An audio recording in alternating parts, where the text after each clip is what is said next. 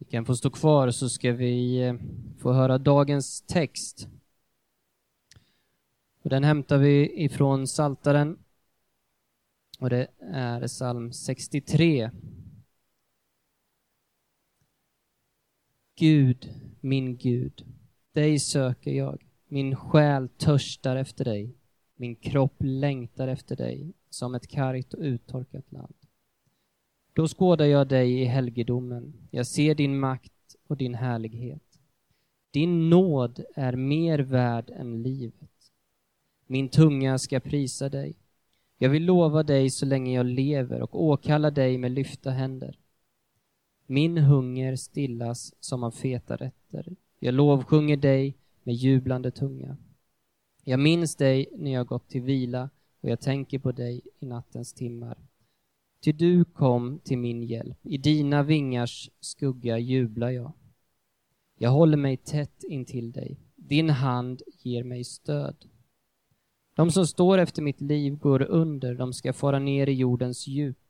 De ska utlämnas åt svärdet och bli schakalernas byte. Men kungen ska glädja sig över Gud och hans edsvurna prisa, dig, prisa sig lyckliga, till lögnarnas mun täpps till. Detta är Guds ord till oss idag. Varsågod och sitt. Hej allesammans. Linda Stenmark heter jag för dig som ännu inte träffat mig. Eh, tacksägelsesöndag, jag vill bara passa på. Eh, jag fick ett eh, sånt skönt sms. Det är så här, det ska vara ordning på saker och grejer. Jag var lite sen med att skicka in mina eh, notes till Alexander som behövde dem för att förbereda här, så får jag det här på förmiddagen. God förmiddag. Idag har jag äran att sitta med datorn under gudstjänsten. Jag ser fram emot att höra Guds ord talas genom dig idag. Du är grym. Skicka gärna ett sms till mig när du är klar med vad du vill ha på projektorn. Vilket fint sätt att säga. Ah. Jag, eh, jag är så glad över vår kyrka och er. Alltså jag, I'm in love with you guys. Jag skulle kunna åka på semester med vem som helst av er. Sen är det upp till vad ni tycker om det. Men, men alltså bara, jag tycker det är så lyxigt att ha den känslan och ha och älska kyrka så mycket att jag... Nej, men jag ville bara börja med att säga det. Det är ändå tacksägelsesöndag. Jag, jag älskar er. Jag är så glad över att eh, vara med på den här resan tillsammans. Och nu har vi kommit till del två i Vår Fader. Och några ord om just bön. Bön, det är, så, det är så välkänt, vi är så bekanta med bön och ändå är det så oupptäckt på något vis. Och E.M. Bound som en förebild för mig, jag läste någon av hans eh, böcker som var en riktig han var en riktig bedjare, han är död sedan många år tillbaka. Han, han sa bland annat så här, när tron upphör att bedja så upphör den att leva. Och bön är ju inte, det är inte någon, bara någon trevlig accessoar som vi har i det kristna livet, eller en, ett litet tillägg som gör det kristna livet lite lättare och lite trevligare, utan bönen är ju på något sätt själva livet, själva sättet att ha gemenskap med källan till allt, till Gud. Och det är bara så märkligt att, att vi är så envisa, åtminstone jag, att vi, man bara försöker så energiskt att leva utan bön, alltså, som att det skulle vara något. Alltså, om man nu har liksom greppat vad bön är, då är det märkligt att man inte ber lite mer.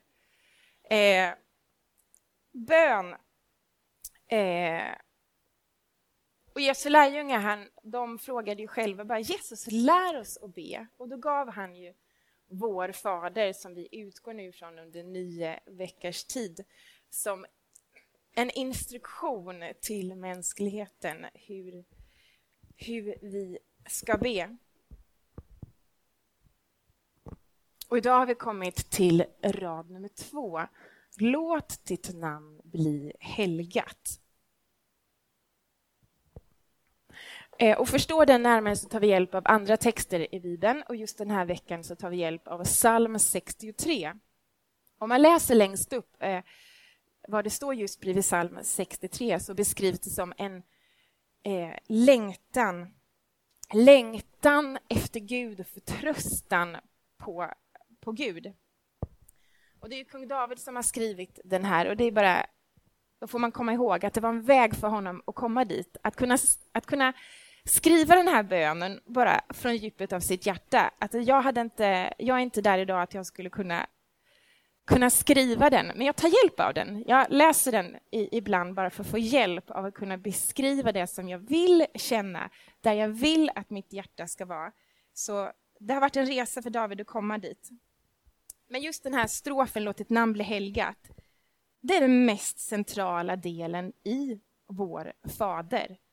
Eh, utifrån den uh, utgår allt. Så om man tittar på nederdelen av vår Fader så är det mer bas, basbehov, grundläggande behov som vi behöver. Vi behöver mat för dagen och så vidare. Vi behöver leva, alltså förlåt oss våra synder. Men just låt ett namn bli helgat. Därifrån utgår det. Så vi ska kika på varför det är så viktigt. Och jag vill inte att vi hakar upp oss på att det är ett lite gammalmodigt ord. Det här helgat är inte någonting som du och jag använder så här på arbetet. Eh, så det är kanske lite obekant. Men vi får inte haka upp oss på det, för betydelsen är... Vi vill liksom få tag på det som... Alltså varför är det så viktigt? Varför finns det här i vår Fader? Gud han är ju helig, det är en egenskap han har. Så på något vis handlar det här om oss. Att vår förmåga att, att kunna behandla Gud så som han är värd. Så majestätisk han är, så helig som han är, så stor och underbar som han är. Att, att på något sätt våra hjärtan ska komma dit hen att vi bara Wow! Jag ser det, jag förstår det, jag tar in det, jag lever i det. John Calvin har sagt så här. Att helga Guds namn innebär att ha hela ditt inre uppslukat av beundran inför honom. Så det handlar alltså, det vi ska prata om idag, att helga Guds namn. Alltså det handlar om att älska, att beundra, att, alltså en översvällande glädje att göra detta. Alltså det bara kokar av överskjudande liv. Och på något vis så känns det lite som mission impossible när man liksom lägger handen på hjärtat. Okej, okay, hur, eh, hur har vi det idag där inne? Men det är det som är så skönt, att det, här, det finns ett samarbete mellan himmel och jord. Vi står inte detta ensamma, utan vi kan komma till Gud och det finns ett samspel. Så när du går till läkaren och du eh, så vill man inte bara få konstaterat, okej, okay, men du, du mår ju inte bra. Du behöver leva annorlunda. Ja, men alltså, det var ju därför jag kom hit. Jag vill inte bara att du, det har jag redan konstaterat, det är därför jag är här. Liksom. Kan du hjälpa mig? Eh, så vi ska inte bara hamna i något slags konstaterande, utan hur kan vi komma dit hän? Att man är full av det, att man har livet, man har, liksom, man har sett det, man har greppat det, liksom, man, man har det i sig. Hur kommer vi dit? Det är väl det intressanta, inte bara konstaterat att okej, okay, eh, jag är inte riktigt där hem, där David är. Eh, så det är kung David som har skrivit den här texten som ska hjälpa oss att bara knäcka nöten och få oss förstå låt ditt namn bli helgat. Och jag tänkte, man kan väl säga att det finns, om ni tänker i, i eh, för det finns flera aspekter på detta. Vi ska titta på fyra aspekter, inte fyra steg, en, två, tre, fyra, utan fyra aspekter som hjälper oss, som vi ser i psalm 63, som hjälper oss att komma, gå den vägen som David gick, som, som gjorde att han levde, han hade sett det, han upplevde det, han hade en sån längtan att han bara på morgonen bara... För han befann sig i öknen när han... När han eh, alltså det står att han var i i Judaöknen. Och det han säger, han uttrycker bara, jag är, jag är så törstig, jag håller på att dö av törst, men inte efter vatten. Han är i öknen med det han uttrycker att han mest av allt vill ha. Jag håller på att dö av törst efter dig, Gud. Inte efter vatten. Jag är så grymt törstig. Det är liksom 45 grader varmt. Jag håller på att dö av törst. Utan efter dig, att komma dit hem.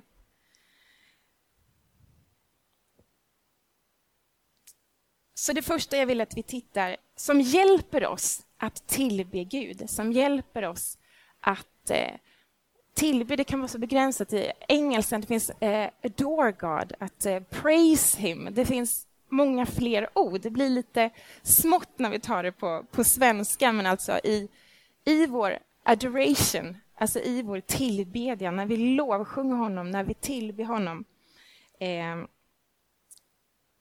så börjar det något som hjälper oss, det är att vi tänker, att vi använder hjärnan när vi tillber. Och David han är specifik när han tillber Gud. Vi kan titta på...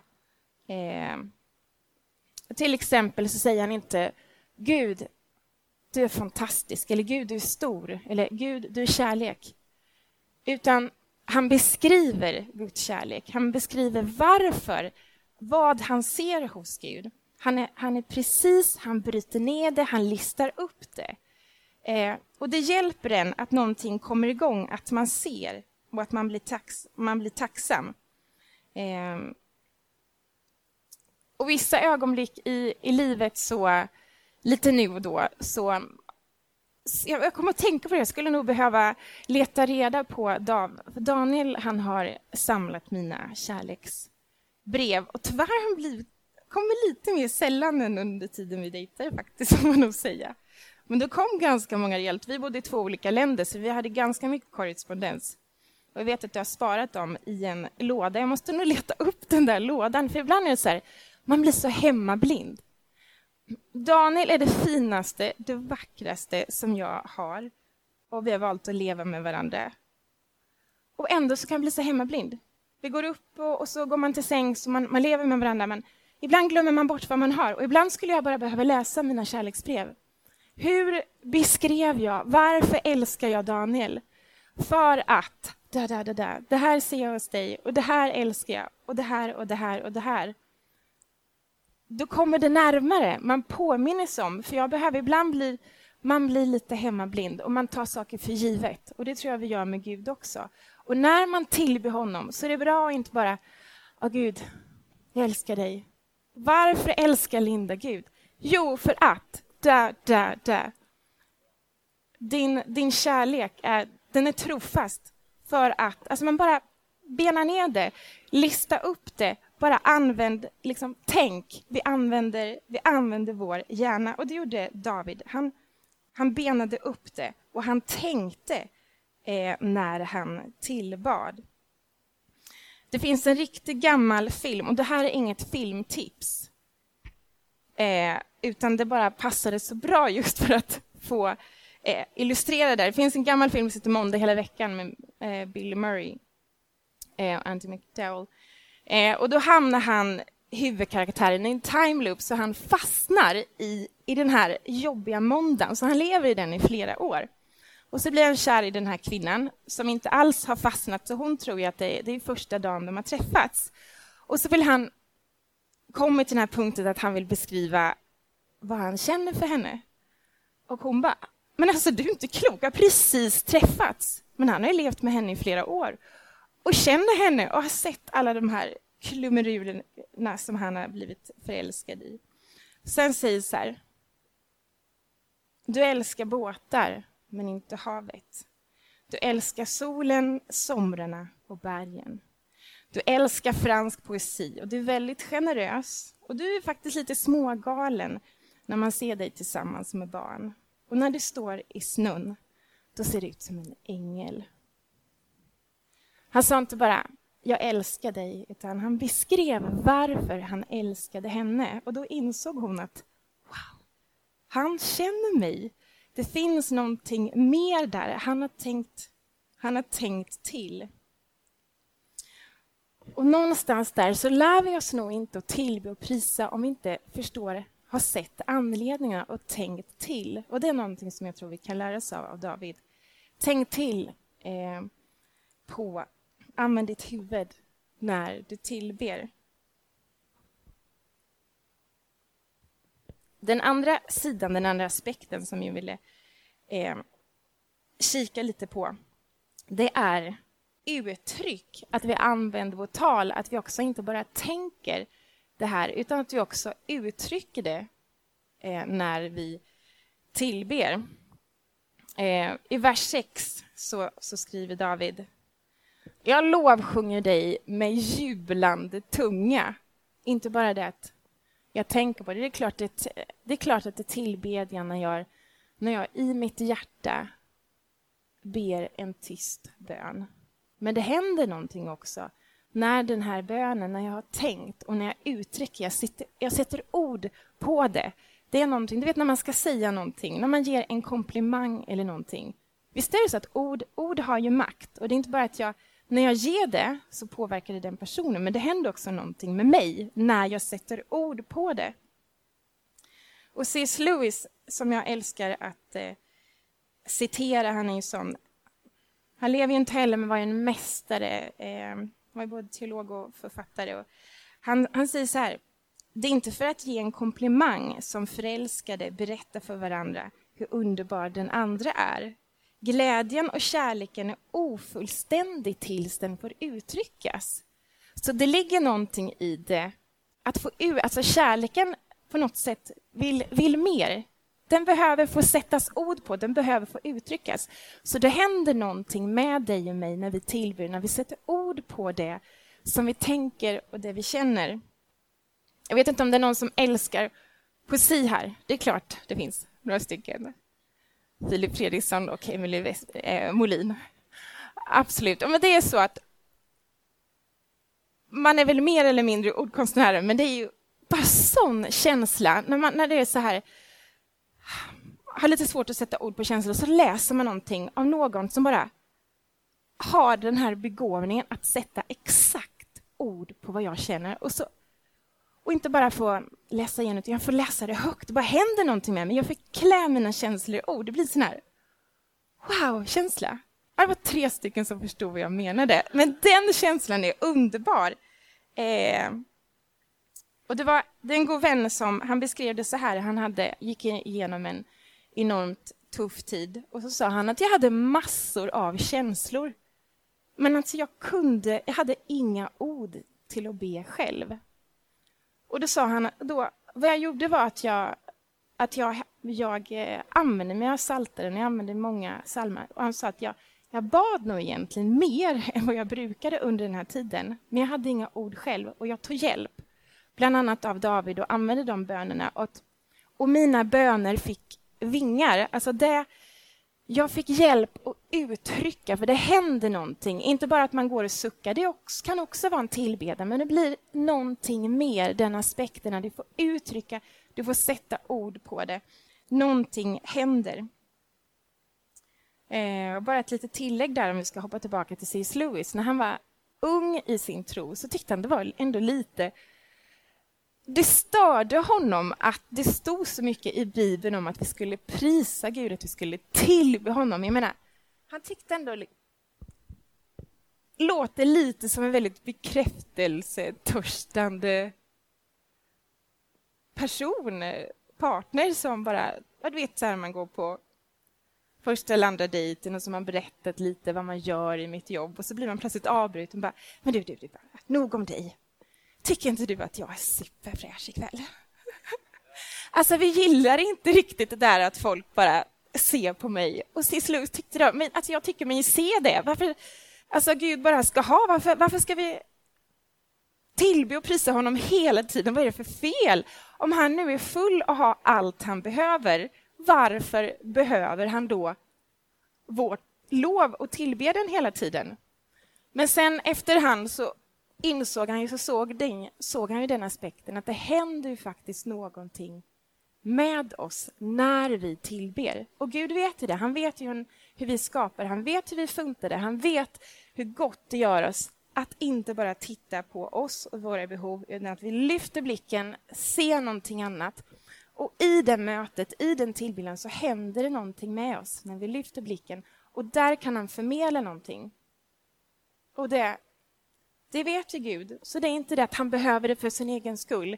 Men han är värd det och han ska äras och tillbedjas. Och det vill jag bli mer skicklig i och jag vill också få ett hjärta som älskar det mer.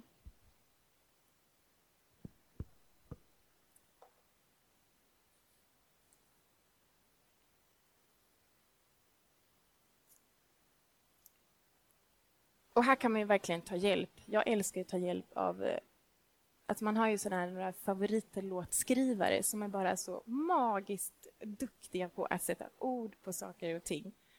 Eh, så jag använder ju Spotify mycket. Jag menar, ja, jag har inte så illa sångröst ändå, men ibland blir det lite så här... Det blir lite klent om man står där hemma i sovrummet, men att bara få brassa på och ta någonting riktigt. Alltså, duktiga musiker, folk som har en enorm tyngd i sin röst och har bara språket och så får jag sjunga med, att det hjälper mig i min tillbedjan.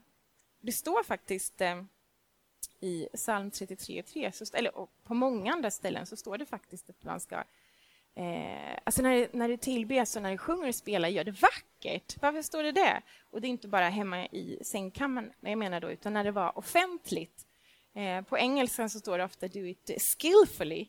För det var någon tanke, det var någon tanke med att det skulle han är värd att man gör det, med det på, på, bästa, på bästa sätt. Man bara slarvar inte, utan man gör det på bästa sätt när det skulle göras offentligt. För det hjälpte också resten av folket att kunna fokusera på rätt, på rätt sak och på och bara fästa blicken på honom. Man, man, man fick med sig någonting av människor som hade, som hade förmågan.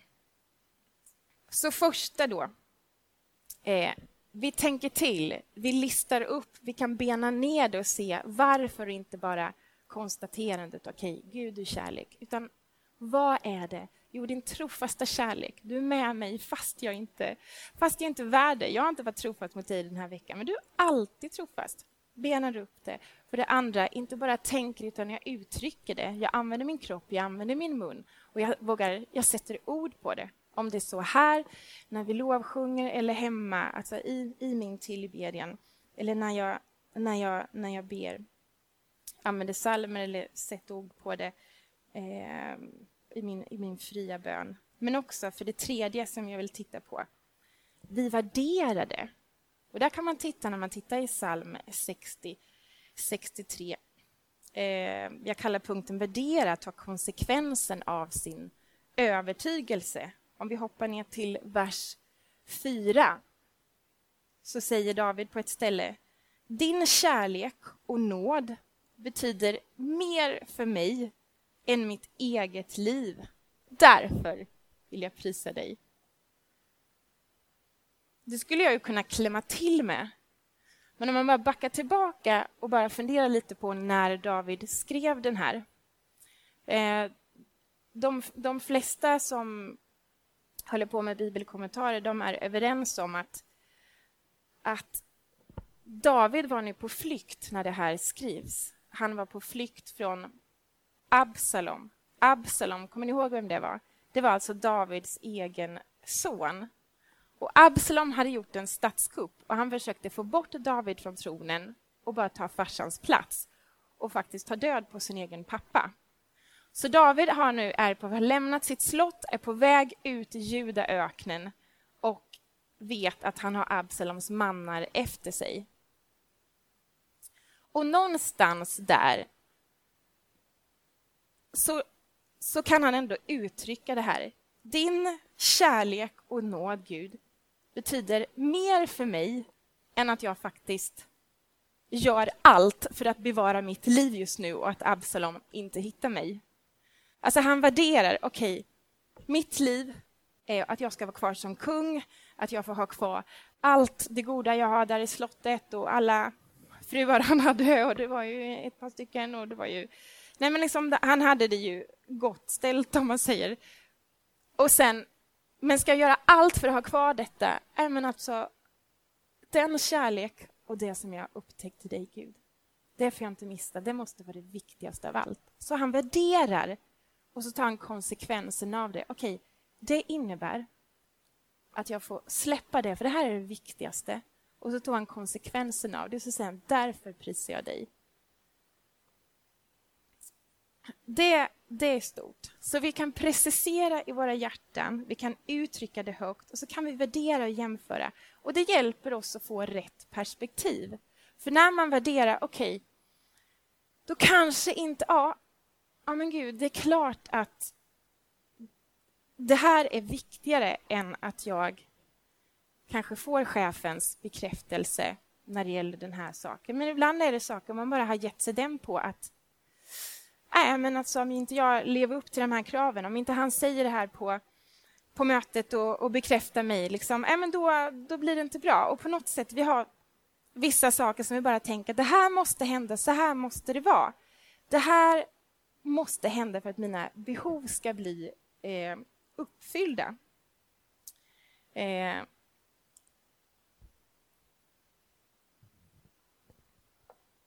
ni vet om man är riktigt, riktigt hungrig eller bara lite småsugen. Jag behöver inte ens tänka, utan bara plötsligt inser jag att jag befinner mig framför kylskåpet. Jag öppnar, jag har inte gjort någonting för att bara Nej, men nu analyserar jag det. Jag känner mig lite hungrig, jag kanske ska gå och titta. Det bara sker per automatik. Någon som... Man bara, så här, sjunde gången på en dag. Nej, men just det, det fanns ju inget gott här inne.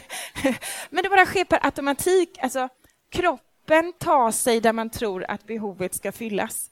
Och tror du att ditt ultimata behov kommer fyllas av att du får den här bekräftelsen av chefen, då kommer du göra allt du kan för att du ska få den bekräftelsen. Eller om du tror att den relationen kommer förändra ditt liv, då kommer du göra allt för att du ska få den relationen. Eller om du ska bara ändra lite, lite på de här höfterna, bara gå ner lite mer, bara komma, komma in den storleken som du var inne i för två år sedan. Då kommer bara... Och då blir det på något sätt, tror man någonstans där inne, att det är det som kommer göra att mina behov fylls. Då är det dit du och jag är på väg.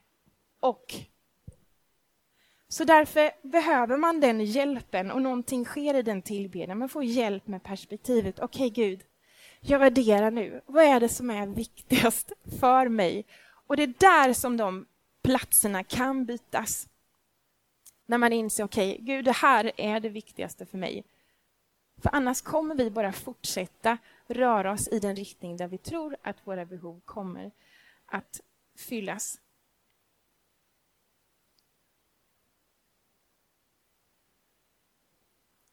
Det sista, den sista aspekten som jag vill titta på, det är upplevelsen när vi får uppleva.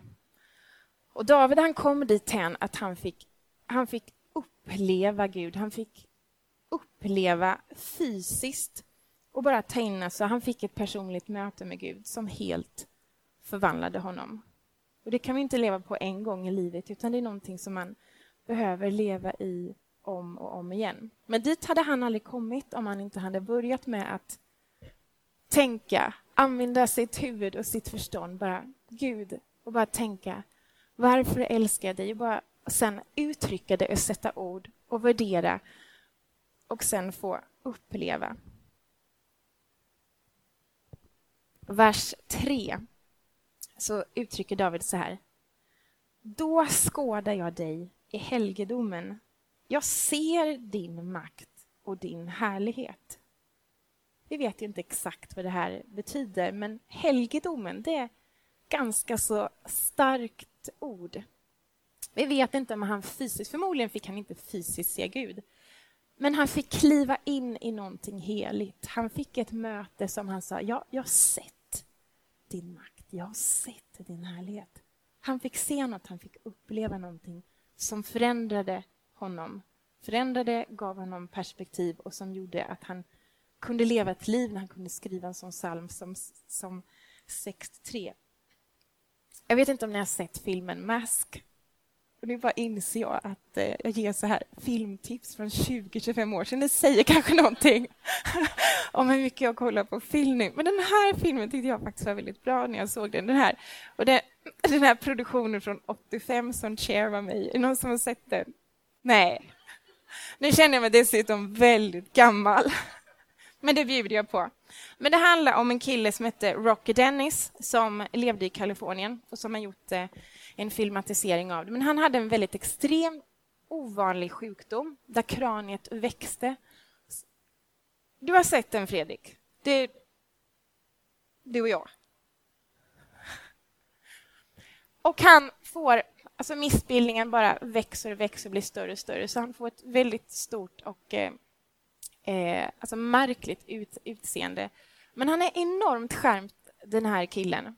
Och så vid ett tillfälle så, så är han med på ett eh, läger och träffar en tjej och hon är blind och hon bryr sig inte om det. Hon får känna på hans ansikte så, men för, för henne är det oviktigt.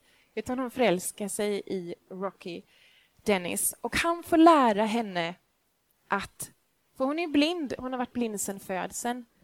Och han är något av en ordkonstnär och väldigt duktig. Så han förklarar till exempel, det finns en scen när han sitter och förklarar färgen röd till exempel. Då hettar han upp eh, en sten så den blir riktigt varm. Och, sen bara, och så lägger han den i hennes hand och bara känner du bara ah, det, det känns rött, sa han. Det känns rött. Och så, och så beskrev han med sin... Han var otroligt skicklig och han skulle beskriva... Han sa molnen.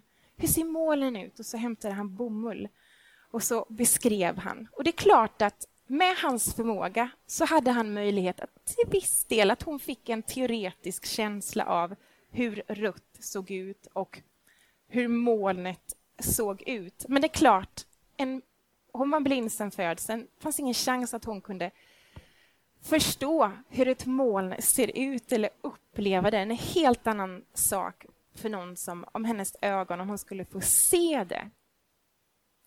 Och det är klart att man kan ha en åsikt om Guds kärlek. Man kan läsa om den, man kan förstå den teoretiskt. Men det är klart att när man har fått uppleva det, när man har fått känna det och bara fått bada i det på något sätt, att man har fått den här upplevelsen som David skriver. Jag fick gå in i helgedomen. Jag fick se din makt och härlighet. Eller jag fick...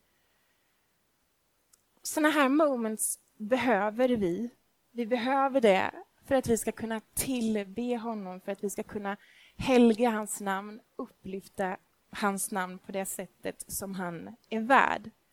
Och vi ska längta efter det och vi ska sträva efter det och vi ska veta att det finns tillgängligt och inte bara nöja oss med att eh, det lilla, utan veta att det finns mycket mer. Och Tim Keller, som är den enda personen som lever idag som jag citerar, märker jag. Men han har sagt att religiösa människor, och då menar han alltså av tradition, man gör någonting för man vet att man, man, man ska göra det. Han sa religiösa människor ber. Man ber om saker, man har önskemål, man ber om framtiden och, och så och så vidare. Men det är sällan de tillber och prisar Gud. För en människa som tillber Gud gör ju det, inte för att man ska få någonting, utan bara för att man har upptäckt att man bara vill vara med honom. Du vet när man är, man är kär och det bara... Det var helt fantastiskt och magiskt att sitta i samma soffa. Bara liksom känna doften av han som sitter bredvid det är nog. Jag behöver ingenting. Jag bara älskar att vara i hans närhet. Det är tillbedjan. Och dit vill jag komma och inte fastna i och inte nöja mig med okej, okay, nu är jag där. Men det är klart att vi har gråa dagar. Det är klart att inte allt... Alltså, det är livet. Det är grått och så är det färg. I en härlig röra. Men vi ska längta efter att så på något vis alltså, märker du att du är där, att det handlar att din bön och din tillbedjan blir mycket. Det harvar runt det här att oh, hoppas det blir en bra dag imorgon och, och det här liksom att det blir så här, Gud vad jag kan få av dig på något sätt bara. Det är klart man vill kliva in, eller som David sa, i helgedomen, man bara får se, man blir uppslukad av beundran. Bara, wow, nu fattar jag nu ser jag, man blir uppfylld och då, det, då blir det tillbedjan och då blir hans namn helgat och ärat. Det är det han menar. Det är det han vill se ska hända i våra liv, i våra hjärtan och hela mänskligheten.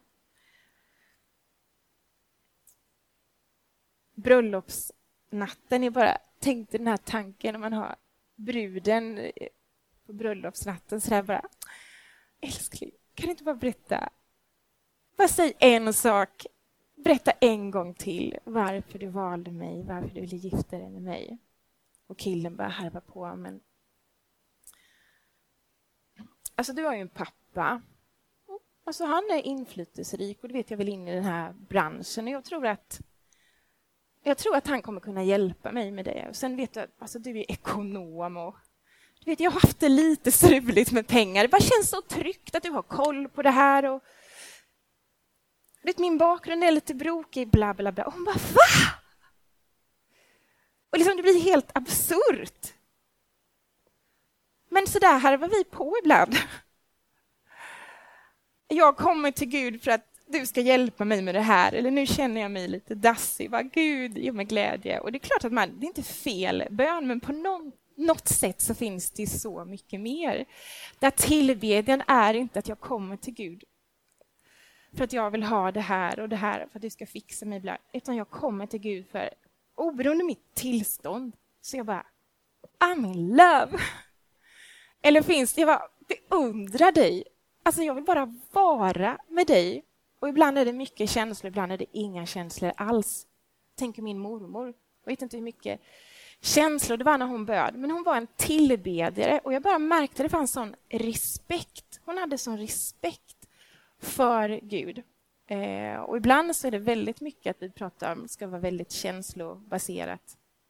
Vi som lever på 2000-talet. Men för henne var det bara, hon hade sån vördnad inför Gud och hon älskade att tillbe. Så ibland var det nog mycket känslor. Ibland var det nog inga känslor alls. Men det var ett sätt som hon hade lärt sig att leva. Och det sista jag vill skicka med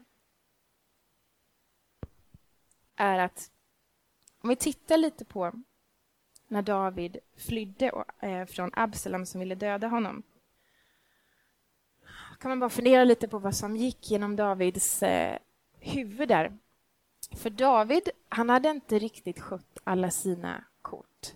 Han hade inte riktigt tagit hand om sin familj. Han hade gjort en hel del grejer som inte blev så snyggt. Han hade till exempel så läser vi om att han blev väldigt attraherad av en vacker kvinna och så till att den, hennes man plockades bort, dog så att han kunde få ha sex med henne och sen kunde ta henne till hustru. Han hade, han hade söner som dödade varandra, en son som våldtog en av hans eh, döttrar. Alltså det var, det, var mycket, det var mycket mess i Davids, i Davids familj. Det var mycket kaos.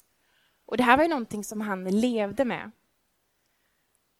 Och han kunde inte fatta, när han skriver det här, då skådar jag dig i helgedomen. Jag ser din makt och din härlighet.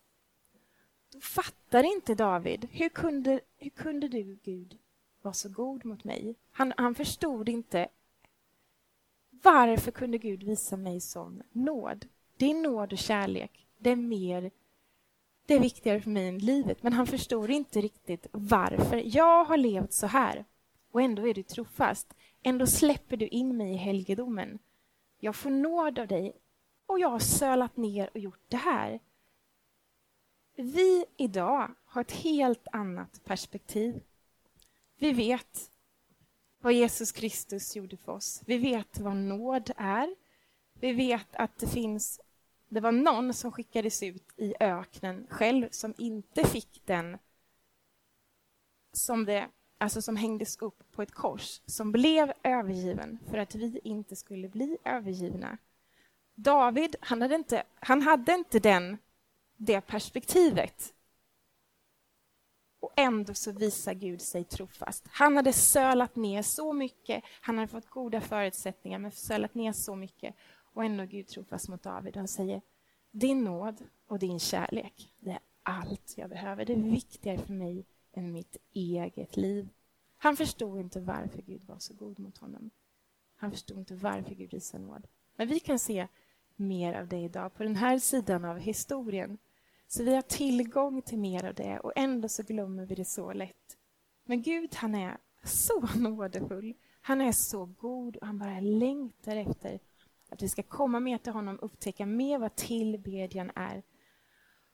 Och allt det som händer när vi tillber honom, om att få rätt perspektiv, att få bli uppfylld. Man bara, där vi, vi undrar honom för den han är, inte bara för han kan ge oss. Ska vi ställa oss upp och så ber jag en bön. Mm. Vår far i himlen. Låt ditt namn bli helgat genom oss. Vi vill att ditt rike ska komma i oss och genom oss. Men det börjar med att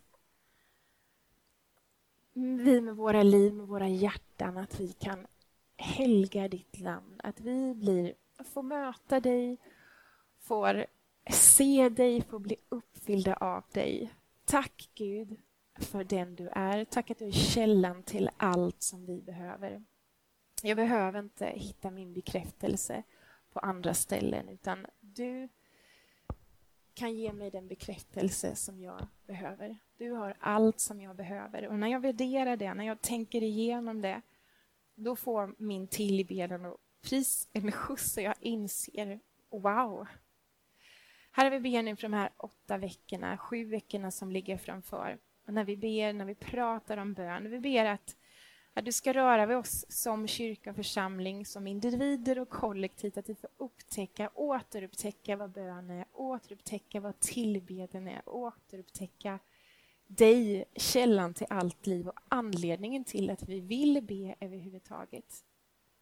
Så att vi kan säga, Gud, din nåd och din kärlek, det är viktigare för mig än att jag får det här jobbet, än att jag får den här relationen, att det går att jag kan köpa det här, att jag kan ha det så här bra.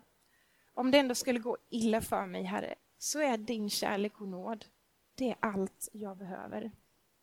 Herre, Ge oss nåd så att vi kan komma dit och att vi kan läsa psalm 63 som om det vore som vi själva hade skrivit den. I Jesu namn. Amen.